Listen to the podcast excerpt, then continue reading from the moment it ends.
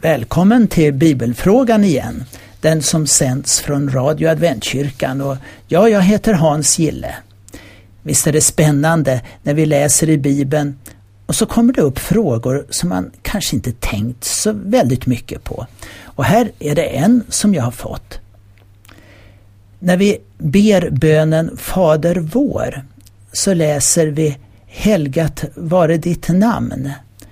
Eller som det står i nya översättningen tänker jag, låt ditt namn bli helgat. Vilket namn menas det? Hur helgar man Guds namn? Ja, för det första, bönen börjar med Fader vår, eller vår Fader, du som är i himmelen. Det är alltså inte vilken Gud som helst utan himmelens och jordens skapare. När det gäller namnet på Gud så tänker vi kanske mest av allt på berättelsen om Mose som möter Gud i den brinnande busken där ute i ödemarken när han vaktar sin svärfar Getros får. Först presenterar sig Gud. Vi läser i Andra Mosebok 3 och 6. Jag är din faders Gud, Abrahams Gud, Isaks Gud och Jakobs Gud. Vi förstår att Mose är rädd för att gå tillbaka till Egypten. Och det är inte så underligt. Det var ju inte bara det att han hade flytt hemifrån från farao. Hur skulle hans egna israeliterna ta emot honom? Vem skulle han säga att han hade mött verkligen där ute? Ja, i vers 14 så svarar Gud honom. Jag är den jag är. Säg dem att han som heter Jag är har sänt dig till dem. I nästa vers så fortsätter Gud och förklarar Detta ska vara mitt namn för all framtid. Med det namnet ska jag åkallas från släkte till släkte. Så namnet på Gud, det är Jag är. Eller Jag är den jag är.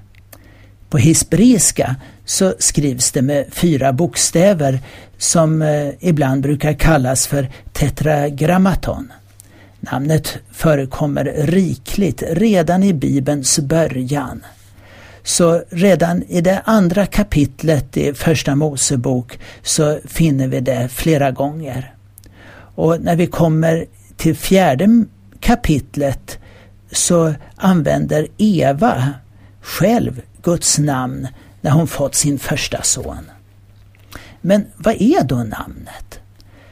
Ja, de här fyra bokstäverna brukar i översättning skrivas J-H-V-H. Alltså J-H-V-H. Och du finner dem ganska ofta i utsmyckningarna i äldre kyrkor. Gärna också med de hebreiska tecknen.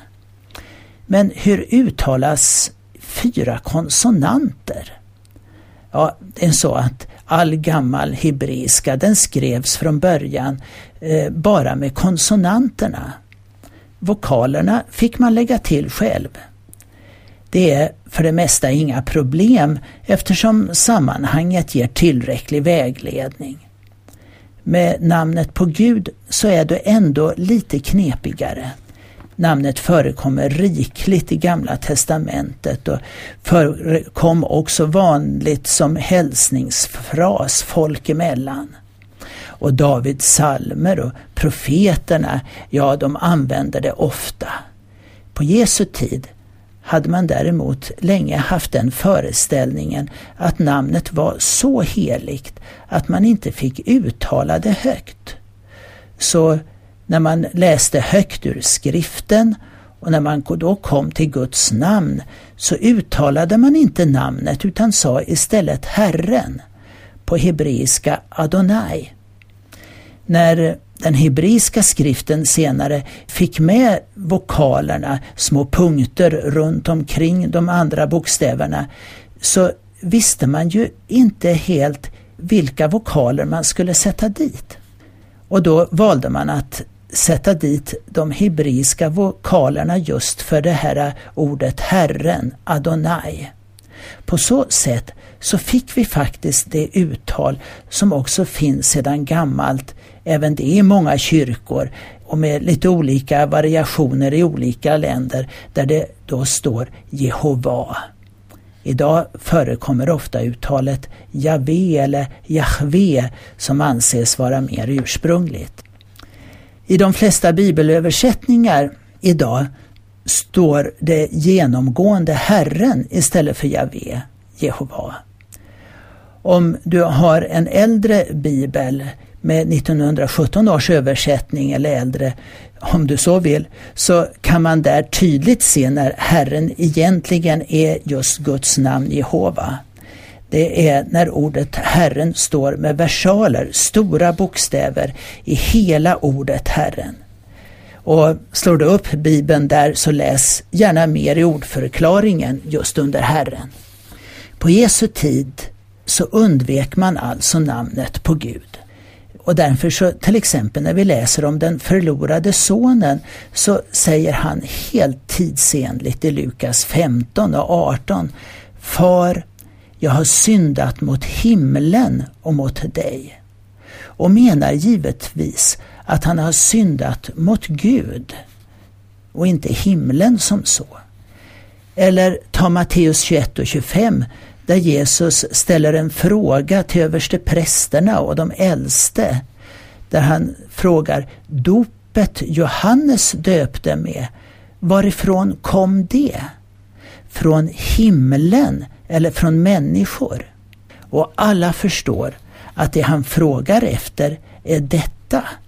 Var det från Gud i himlen eller var det ett påhitt av Johannes själv? När sedan Jesus ber i Getsemane trädgård, strax innan han dör, så säger han i Matteus 26 och 42 Fader, om denna bägare inte kan gå förbi mig. Ja, han använder själv ordet far som han hade lärt sina lärjungar tidigare i bönen Fader vår. Och på korset, när han ber där direkt till sin far, vi kan läsa Markus 15 och 34. Eloi, Eloi, lema sabachthani. Min Gud, min Gud, varför har du övergivit mig? Jesus talar här den hebreiska, arameiska som allmänt talades då. Och El betyder just Gud. Men vi märker också då att han använder inte ens här Guds namn Javé. Skulle det då vara fel att använda Guds namn när vi ber? Nej, knappast med tanken på alla de böner i saltaren som använder Guds namn. Men är det genom att uttala namnet som vi helgar hans namn? Ja, knappast. Tänk på att i sammanhanget där Jesus ger oss Fader vår så undervisar han om bön mer allmänt. Bland annat detta i Matteus 6 och 7. Och när ni ber ska ni inte rabbla tomma ord som hedningarna. De tror att de ska bli bönhörda för de många ordens skull. Gör inte det. För er far vet vad ni behöver redan innan ni har bett honom om det. Så återigen, vi får be till Gud som till en far, en god far, en som lyssnar, en som redan vet vad vi behöver. Så vad betyder det att vi låter Guds namn bli helgat? Svaret ser jag i fortsättningen på bönen som Jesus lärde oss. Låt ditt rike komma. Ja, det är där Gud tar herraväldet i våra liv. Låt din vilja ske. Att den himmelska viljan ska ske här på jorden. Jesus bad själv, se, ske inte min vilja utan din. Och han säger också, för deras skull helgar jag mig till ett offer. Det var så som Guds namn blev helgat. Eller ge oss idag vårt dagliga bröd. Och vi tänker på alla de fantastiska berättelser både nu och i Bibeln om hur Gud tar hand om sina barn in i det minsta. Och vi har fått prisa Gud. Och förlåt oss våra skulder Ja, förlåtelsen som vi får genom det som Jesus, Guds son, har gjort för oss, det är stort. Och vi kan då säga, när vi tar det vidare, sån är Gud. Eller när vi möter frestelsen att förneka Gud och hans rikes principer så kan han rädda oss från detta onda. Även om det kan kosta. Ja, Gud själv, hans namn blir verkligen helgat. Här har jag en annan fråga som jag fick nyligen. Vad är det för reningsbruk som lärjungarna diskuterar i Johannes 3 och 25? Det berättas i Johannes tredje kapitlet att efter sitt nattliga möte med Nikodemus så går Jesus och hans lärjungar vidare Judeen, antagligen på västra sidan av Jordanfloden. Jesus och hans lärjungar döper folk där och Johannes och hans lärjungar är tydligen också där för eh, Herodes har ännu inte fängslat honom. Under en kort tid var tydligen både Jesus och Johannes verksamma.